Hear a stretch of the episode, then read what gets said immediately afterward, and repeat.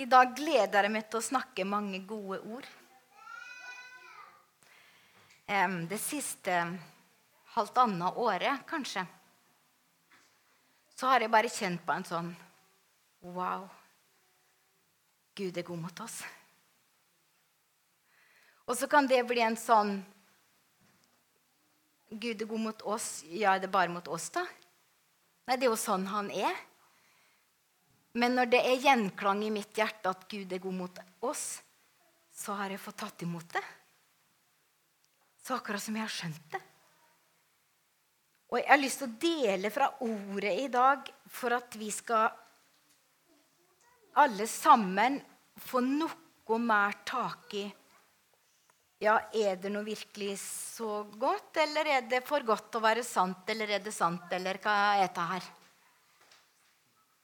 Er Guds godhet så god som vi kan tro?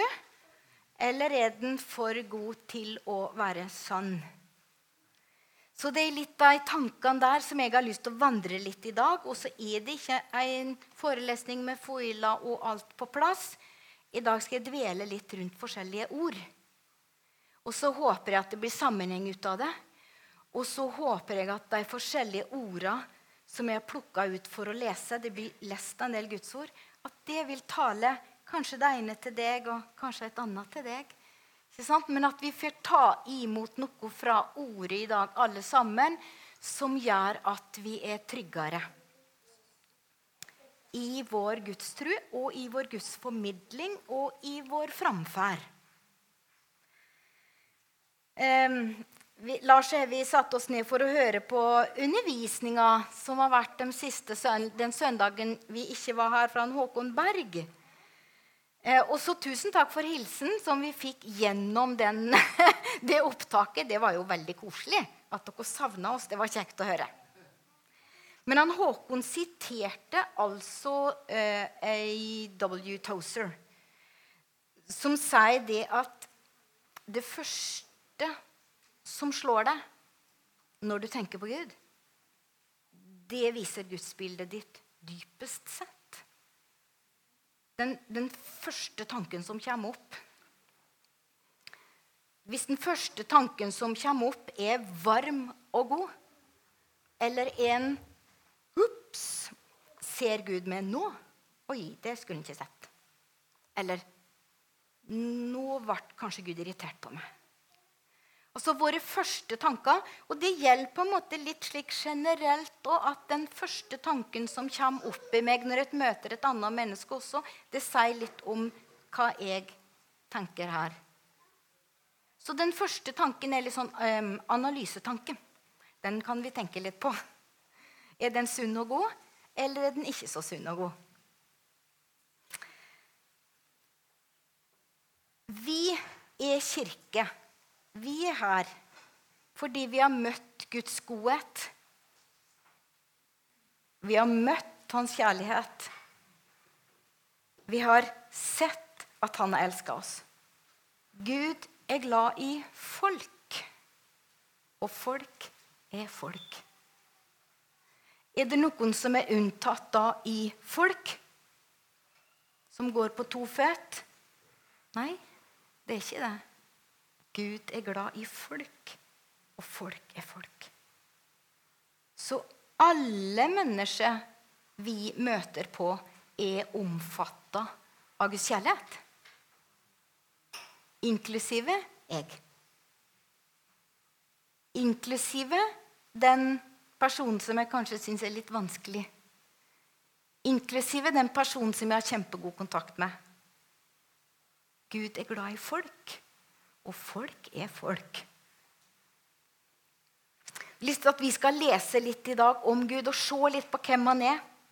Og hvorfor vi kan si dette her med fasthet og frimodighet. Gud er glad i folk. Folk er folk. Hvordan kan vi være trygge? Og Jeg må sette et vendepunkt i mitt liv på denne forståelsen av hvem Gud er. Det var en uttalelse fra Kari Holmås for mange år siden. Hun hadde et seminar på bedehuset på Tornes. Og da sa hun sånn Hvordan hørtes stemma til Gud ut når Adam og Eva måtte ut av hagen. Tenkte litt på det. Han var nok skikkelig sint, tenkte jeg. Han var nok skikkelig sint, for de hadde jo rota til alt. Var han det?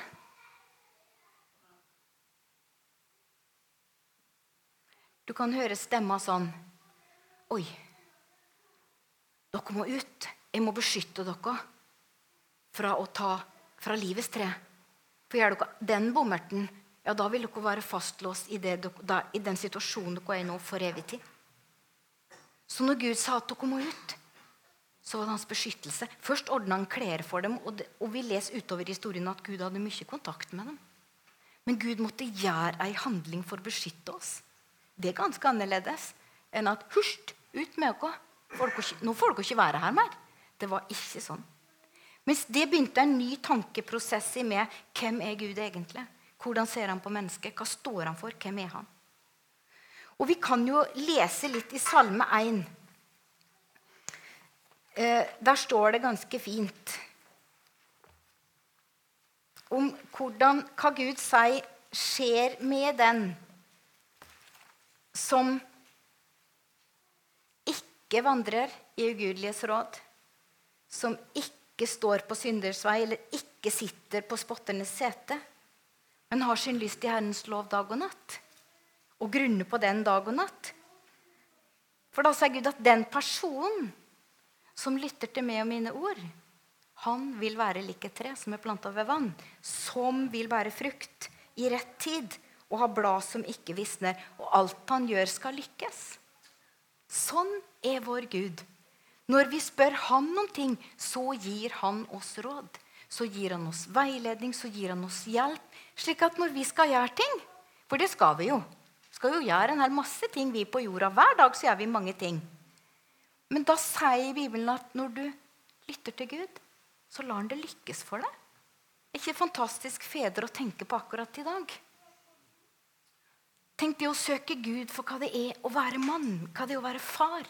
Hva det er å være en, en, en beskytter for sin familie og for samfunnet. Til å stå opp for det gode.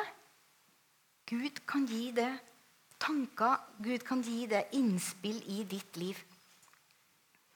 Og I Salme 4 så står det videre at eh,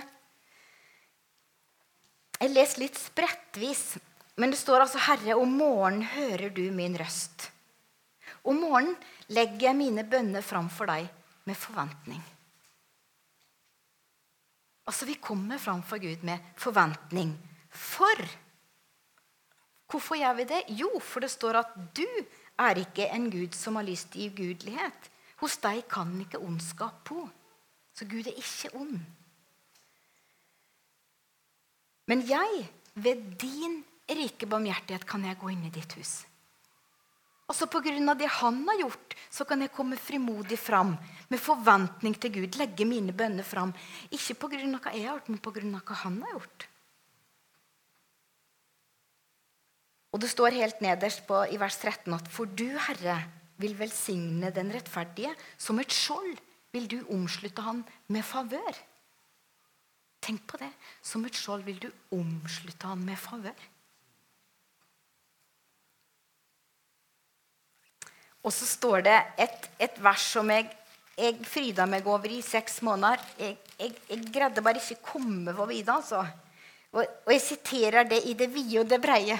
Og det er Salme 40, vers 6. For der står det Mange, Herre min Gud, er dine underfulle gjerninger, dem som du har gjort. Og så kommer det her. Og i dine planer til det beste for meg kan ingen måle seg med deg, Herre ingen bedre strateg for mitt liv. Det er ingen bedre veileder, det er ingen bedre leder. Det er ingen bedre person å følge.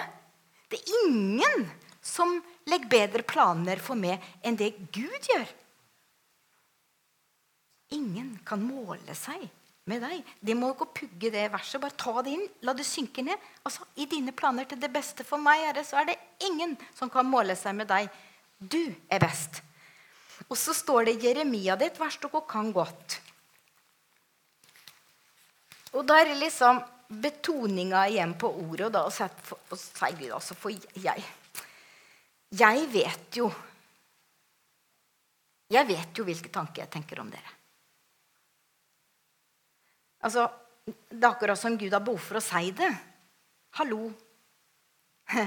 Jeg, jeg vet hva jeg tenker om deg. Jeg. jeg vet hva jeg tenker om deg.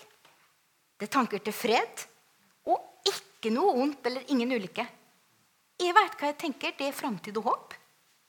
Men hallo, folket mitt. Jeg vet hva jeg tenker om dere. Det er ingen tanker. Det er ikke noe ondt. Og vi leste Salme 4. Det er ikke noe ondskap i Gud. Så Gud er en trygg person å gi seg til. Det er en trygg person å gi hele sitt liv til. Og så står det siste verset i eh, Jesaja 59. Så står det at uh, igjen så er det liksom sånn OK, fra min side, da, sier Gud. For min del. Altså fra min, Sånn jeg tenker om det.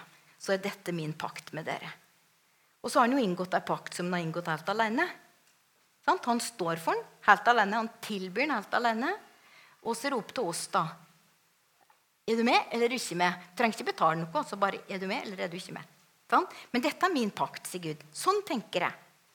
Min ånd, som er over det, og mine ord, som jeg har lagt i din munn, dem skal ikke vike fra din munn, dine barns munn eller dine barnebarns munn.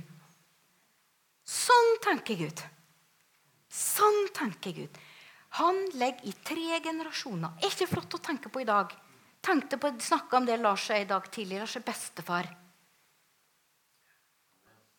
Sånn er Gud. Han ønsker at det skal ligge i våre barn og i våre barnebarn. Så det valget vi tar, velsigner Gud i tre generasjoner.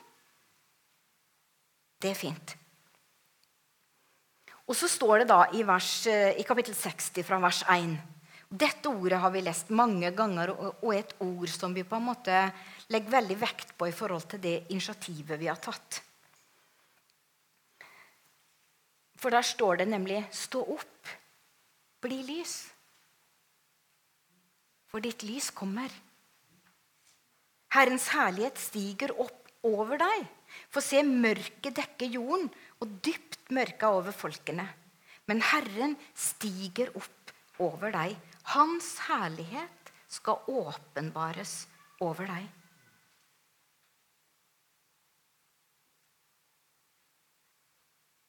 Vi skal se litt på da hva sier Johannes.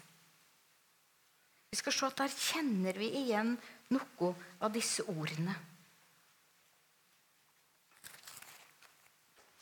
I Johannes 1 så står det I begynnelsen var Ordet, og Ordet var hos Gud, og ordet var Gud.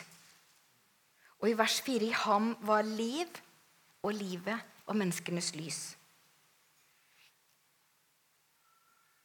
Stå opp, bli lys. Når vi får ta imot Jesus, så får vi hans liv i oss. Vi blir lys.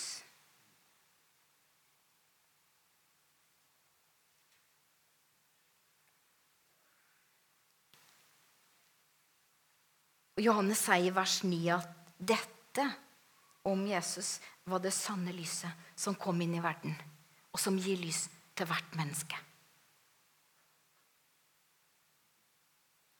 Men hver den som tok imot han, altså hver den som tok imot han, ga han retten til å bli Guds barn. Og dem er født av Gud. Den fødselen er av Gud, bestemt av Gud initiert av Gud. Han vil gi oss nytt liv. Og, og, så er det du må ta imot det. Du må si ja, takk. Jeg går for det. Jeg går for dine løsninger. Jeg går for det du sier. Jeg tror på det du sier. Jeg holder det du sier, for sant. Og ordet ble kjød og tok bolig iblant oss. Og vi så hans herlighet. Den herlighet som den enbårne har fra sin far, full av nåde og sannhet. Herlighet det er jo et ord som har litt, ulike, litt ulikt innhold. Men herlighet, ære, en person sin herlighet, ære um, Det kan selvfølgelig være en veldig glans og strå, utstråling, og sånn, men en person sin ære, sin herlighet, det er på en måte hva den personen står for. Og det kan gjøre. Kan gjøre vise personen sin herlighet. Viser hans eh, integritet, viser hans indre, viser hva han tenker og gjør.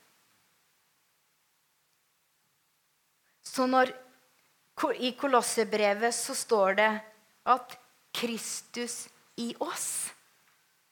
Håpet om herlighet. Det er interessant. Hva betyr det? Kristus i oss. Håpet om herlighet. I Johannes 1, 17-18 så står det For loven ble gitt ved Moses. Nåden og sannheten kom ved Jesus Kristus. Aldri har noen sett Gud den enbårne sønn som er i sin fars favn. Han har vist oss hvem han er. Så Jesus viste oss hvem Gud var. Full av herlighet, ikke sant? Og den herligheten var full av nåde og sannhet. Når Jesus kom, så var det et paradigmeskifte, og datidens mennesker sleit med å skjønne. For han var så annerledes. Og et paradigmeskifte, sier vitenskapsteoretikeren Thomas Køhn, at det, er en systematisk skifte i måte å tenke på som er av betydelig størrelse og rekkevidde. Og det kan man jo si at flytter fra den gamle til den nye pakt. Det er virkelig et paradigmeskifte. Og vi er helt nødt til å tenke annerledes. Omvend dere, sa Jesus, for himmelens rike er nær. Det var noe første han begynte å si. Omvend dere. Og Hva skulle de omvende seg fra? Den gamle måten å tenke på. Gamle systemet med loven, den gamle systemet om å gjøre seg rettferdig for Gud. Det var det Gamle testamentet også at det var ved tro du ble rettferdig. Men det var noe i tankesettet så at dette må jeg fortjene. Og, og er det borte? Borte. Det er ikke helt borte. Vi har lett for å tenke at ja, men jeg må jo gjøre noe, jeg òg. Det, er jo, det er jo for gærent å bare ta imot. Det blir ikke noe feil her. I Johannes 3, 16 så står det for så har Gud elsket verden, at han ga sin sønn den enbårne for at hver den som tror på ham, ikke skal gå fortapt, men ha evig liv. Og så står det litt videre. Men Gud sendte ikke sin sønn til verden for å dømme verden, men for at verden skulle bli frelst ved ham. Den som tror på ham, blir ikke dømt. Men den som ikke tror, er allerede dømt. Fordi han ikke har trodd på Guds enbårne sønns navn. Dette er dommen at lyset har kommet inn i verden, og menneskene elsket mørket mer enn lyset, for gjerningene deres var onde. Det å ikke ta imot, det er jo det som er skikkelig stupid. Hæ? Det er skikkelig dumt. Det er skikkelig dumt, altså, hvis du tenker litt langt fram. For livet ditt. Det å tenke at 'nei, men jeg takker nei takk, du, jeg kan greie meg sjøl'. 'Takk at du har gitt meg livet, Herre'. Det kan jo folk tenke. Det var bra. Men fra nå så tar jeg skeia i egne hender. Det blir nok best. Jeg syns det er litt rar måte å tenke på. Men, men, hva er det Paulus sier i Romerne, Romerne 2, 4? Det skal vi lese. Det blir ganske interessant, faktisk. For her er det litt sånn annerledes måte å, å se ting på. For han snakker, her snakker Paulus altså om å forakte hans rikdom på godhet, åbernhet og tålmodighet. Forakt er kanskje et hardt ord, men, men kanskje vi liksom ikke helt tror på det. Paulus sier, 'Skjønner du ikke at det er Guds godhet?' Skjønner du ikke at Guds godhet leder deg til omvendelse? Det er en annen måte å tenke på, snakker om her. Ikke ta livet i egne hender, men gi det til Gud og ta imot fra Han.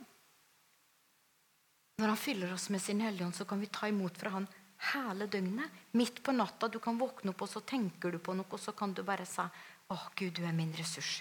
Det der legger jeg hos deg. Takk for hjelpa. Gud, du er min kilde. Det har jeg mange netter i det siste sagt. Vet du, Gud, du er min ressurs. Dette har du kontroll på. Dette veit du om. Jeg sover videre. Du er min ressurs. Men så sier Paulus etter det her, så sa han, men ved din hardhet og ditt hjerte som ikke vil vende om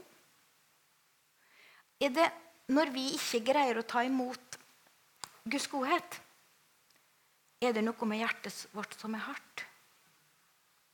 Er det noe vi har opplevd opp gjennom livet så vi ikke helt tør å stole på det å ta imot?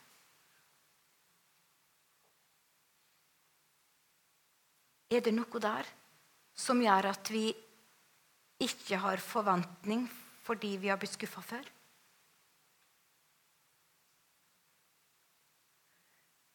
Vet du, Gud han legger hjertet vårt i bløt. han. Så det hjelper å få. Gud hjelper oss med alle ting.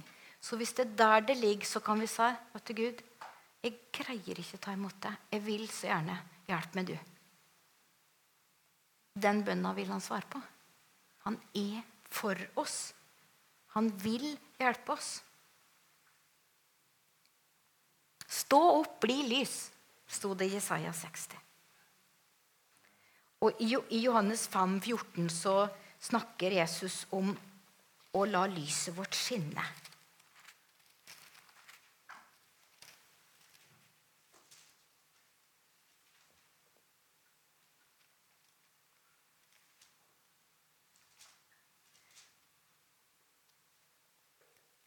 Der er jeg feil henvisning, så da bare siterer jeg det. Jesus snakker om å la lyset dere skinne for menneskenes barn. Hvis det er noen som finner det, så gi meg gjerne henvisninga. For det, eh, jeg vil gjerne lese det.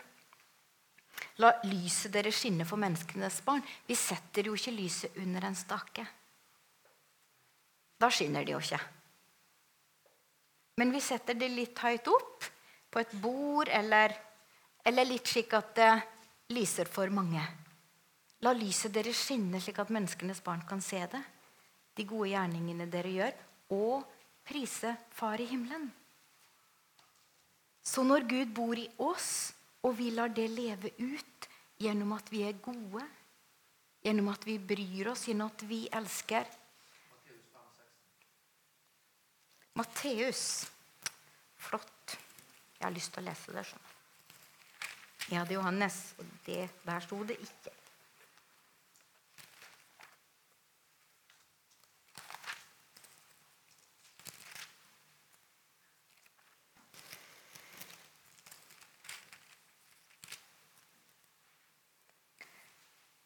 Matteus 5, 14, Dere er verdens lys. En by som ligger på et fjell, kan ikke skjules. Jesaja sa, Stå opp, bli lys. Herrens lys kommer over deg. Dere er verdens lys, sa Johannes. Dere er. En by som ligger på et fjell, kan ikke skjules. Man tenner heller ikke en lampe og setter den under et kar i en lampeholder. Da gir den lys til alle i huset. I en lampeholder. På samme måte skal dere la lyset deres skinne for menneskene, så de kan se de gode gjerningene deres og ære deres far, Han som er i himmelen. Kristus i oss, håp om herlighet. Kristus i oss er andre mennesker sitt håp om å se Guds herlighet. Se hvem Gud er, og se hans godhet inni der sitt liv. Ja, Gud taler til oss direkte, men Gud bruker som mennesker til å velsigne hverandre. Og det står i, i ei av salmene at eh, Se opp, da må stråle av glede, du skal ikke rødme av skam. Og der var en sånn jeg hadde, jeg hadde et syn. Jeg fikk se Jesus. Og, og det blikket Det var helt fantastisk. Liksom bare Jeg kjente meg liksom Oi, har du sånn tro på meg, Jesus? Og tenk om vi kan ta det blikket, og så kan vi si til Tenk om vi kan ta med oss Guds blikk, så kan vi se på andre mennesker, og så kan vi tro dem fram. Vi kan elske dem fram. Og så må vi greie oss å se gjennom den første fasaden. Vi må se etter menneskene der inne. Det er lett for oss å backe av når det er noen stygge ord eller litt eh, ufin oppførsel, eller vi syns at dette var jo litt spesielt. Så det er lett for oss å bakke av, og så tenker vi Er Guds kjærlighet like stor nå? Til, det, til den personen eller til denne? Ja. Det er bare ett svar på det. Det må vi aldri lure på. Det må vi aldri være i tvil om. I den mest dramatiske situasjonen eller den mest vanskelige situasjonen da, så kan vi stå der så trygge, og så kan vi vite at det mennesket der er elsket av Gud til døden. Gud, Så høyt elska Gud verden at han ga sin sønn. Det var ikke fordi vi hadde kommet på å oppføre oss ordentlig. Nei, vi var langt fra ordentlig på den tida. Vi hadde ikke greid å få ting på stell. Og det visste jo Gud. Han, jo, han vet jo at vi er støv. Han vet jo det. Men allikevel så har Gud lagt ned i oss som et skrøpelig kar sin Hellige Ånd og sin autoritet på jorda har han gitt til oss. Og når vi ber noe i samsvar med hans vilje, så får vi det. Derfor kan vi med frimodighet be om åpenbaring. For alle som trenger åpenbaring om alle saker.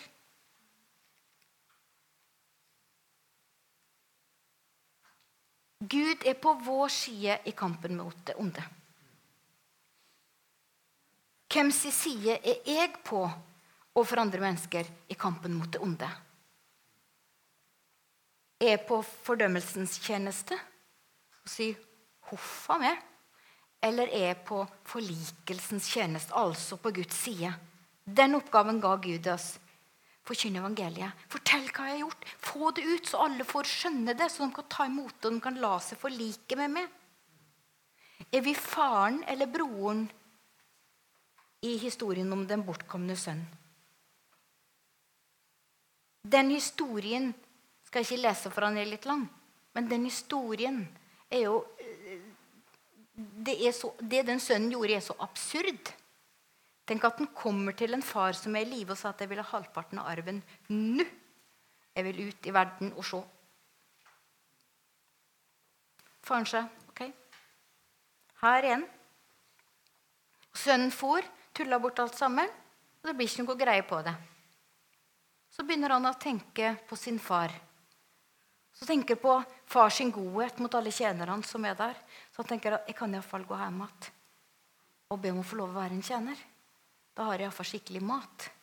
For så god er min far at han sørger for god mat alle sammen i huset. Og så løper han hjem.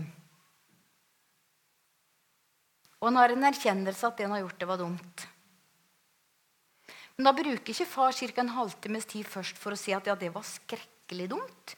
Jeg lurer på hva du tenkte når du kom og spurte. Har du omvendt deg skikkelig? Hvor er du nå? Skjønner du hva du gjorde mot meg og mot broren din? Det er ikke referert noe til slike spørsmål. Og Marseille, Du kom hjem. Du kom tilbake. Han var bare overlykkelig.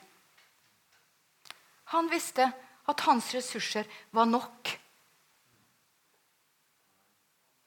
Og han tok ikke og gnidde fjeset hans ned i sølet så han skulle kjenne skikkelig på det noen dager. Han skulle ikke bare komme der. Faren bare tok imot den. Reiste den opp at han ga han til og med signetring som gjorde, ga han autoritet tilbake i farshuset. Historien helt, den, den blåser oss av gårde, på en måte. Men det Gud vi snakker om. Det var Jesus som sa det. Forakter vi hans gode? Overfor andre mennesker i andre menneskers liv, sitt liv når vi holder tilbake? Vi har ett oppdrag. Og Paulus sa jeg skammer meg ikke over evangeliet. Jeg skammer meg ikke over evangeliet. Og så tenker jeg, Hvorfor sier Paulus det at det er noe å skamme seg over? Hvorfor er det? Det, ikke, det er ikke noe prestasjon i det for oss. Så det er litt lite fra vår side. Det er faktisk ingenting annet enn å si ja. Ta imot. Det evangeliet, det er gode nyheter. Det er faktisk et av kravene for å definere og si at du forkynner evangeliet, det er at det er gode nyheter. Det er selve definisjonen. Og de gode, gode nyhetene, det er en Guds kraft til frelse for hver den som tror. Det er en Guds kraft. Hvem er det vi snakker om? Himmelen og jorden skaper. Det er hans kraft. Det er hans ressurser. Det er hans evner. Det er hans Alt det vil han gi til oss. Til oppreisning, ut av fattigdom. Det skal ikke være noen fattige hos dere. Det ble sagt i Gamle testament. Det skal ikke være noe fattig. Så tenker vi, Hvordan skal det gå for seg? Hvis du vil ut av fattigdom Tips nummer én gi. Gi noe av det du så hardt holder på, og tenker at det er dette som skal berge meg. Begynn å gi. Veien ut av fattigdom, veien ut av gjeld. Gi. Begynn å gi. Begynn å gi til noen andre. Så inn i noe som Gud kan ta og jobbe med, og gi noe tilbake til deg. Du vet, hvis du spiser opp både poteten og settepoteten, så har du ingenting til neste år. Så det er veien til fattigdom. Det å spise opp såkornet. Så da må vi, det, men det er en liten hemmelighet. Den kan vi snakke mer om senere. Men evangeliet Jeg tror noe av det som Paulus på en måte, altså Evangeliet er så enkelt. Han sa at jeg skammer meg ikke over det her enkle evangeliet. Det handler om hva Gud har gjort, og ikke hva jeg har gjort. Og så står det et sted at det er bedre å gi enn å få. Og det er sant mellom oss mennesker. Da er det godt for oss å gi. Godt for oss å gi. Men overfor Gud, da er det best å få. Vi kan aldri matche ut Gud, vi, vet du. Men vi får fra Han. Og av det vi får fra Han, ja, hva gjør vi med det? Gir til andre. Og det arbeidets egentlige hensikt også, står det. Skaff deg en jobb, så du kan tjene penger, så du kan ha noe å dele med andre høyere enn bare å greie å forsørge min egen familie. Jeg skal få lov å ha litt høyere. Og skal jeg lese ett vers til slutt fra andre Korinterbrev.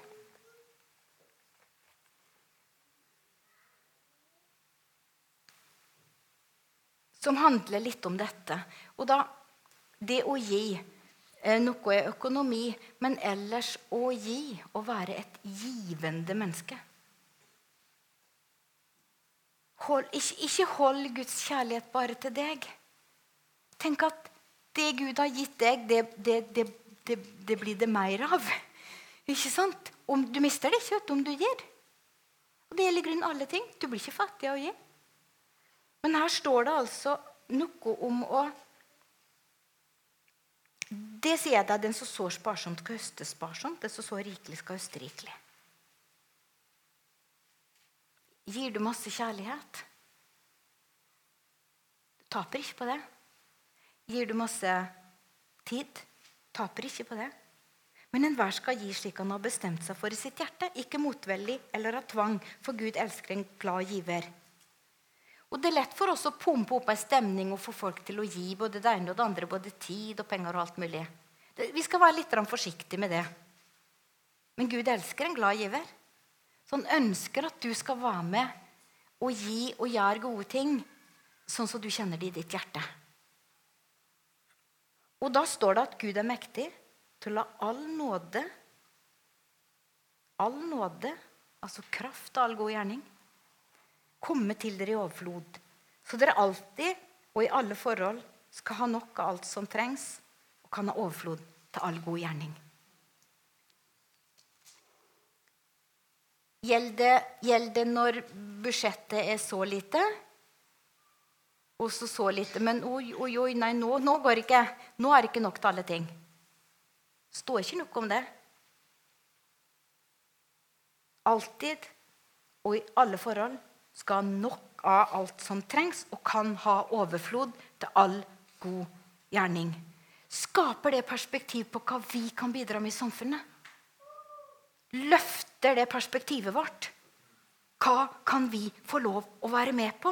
For det står Gud er mektig til å la all nåde komme til dere i overflod, så dere alltid og i alle forhold har nok av alt som trengs, og kan ha overflod til all god gjerning. Og I vers 10 må Han som sørger for såkorn til såmann og brød mat Gud gir oss faktisk begge deler. Så det jeg har å gi til andre, det har jeg nå fått det òg, da. Det er jo Gud. Vi forvalter jo det vi har her på jorda. Vi er forvaltere fra skaperverket til lønningsposen min. Jeg er jo forvalter alt sammen. Må Han som sørger for såkorn til såmann og brød til mat, også sørge for å mangfoldiggjøre det såkornet dere har sådd, og gi vekst til deres rettferdighetsfrukter. Det er så fabelaktig, det her. Gud ordner med alt.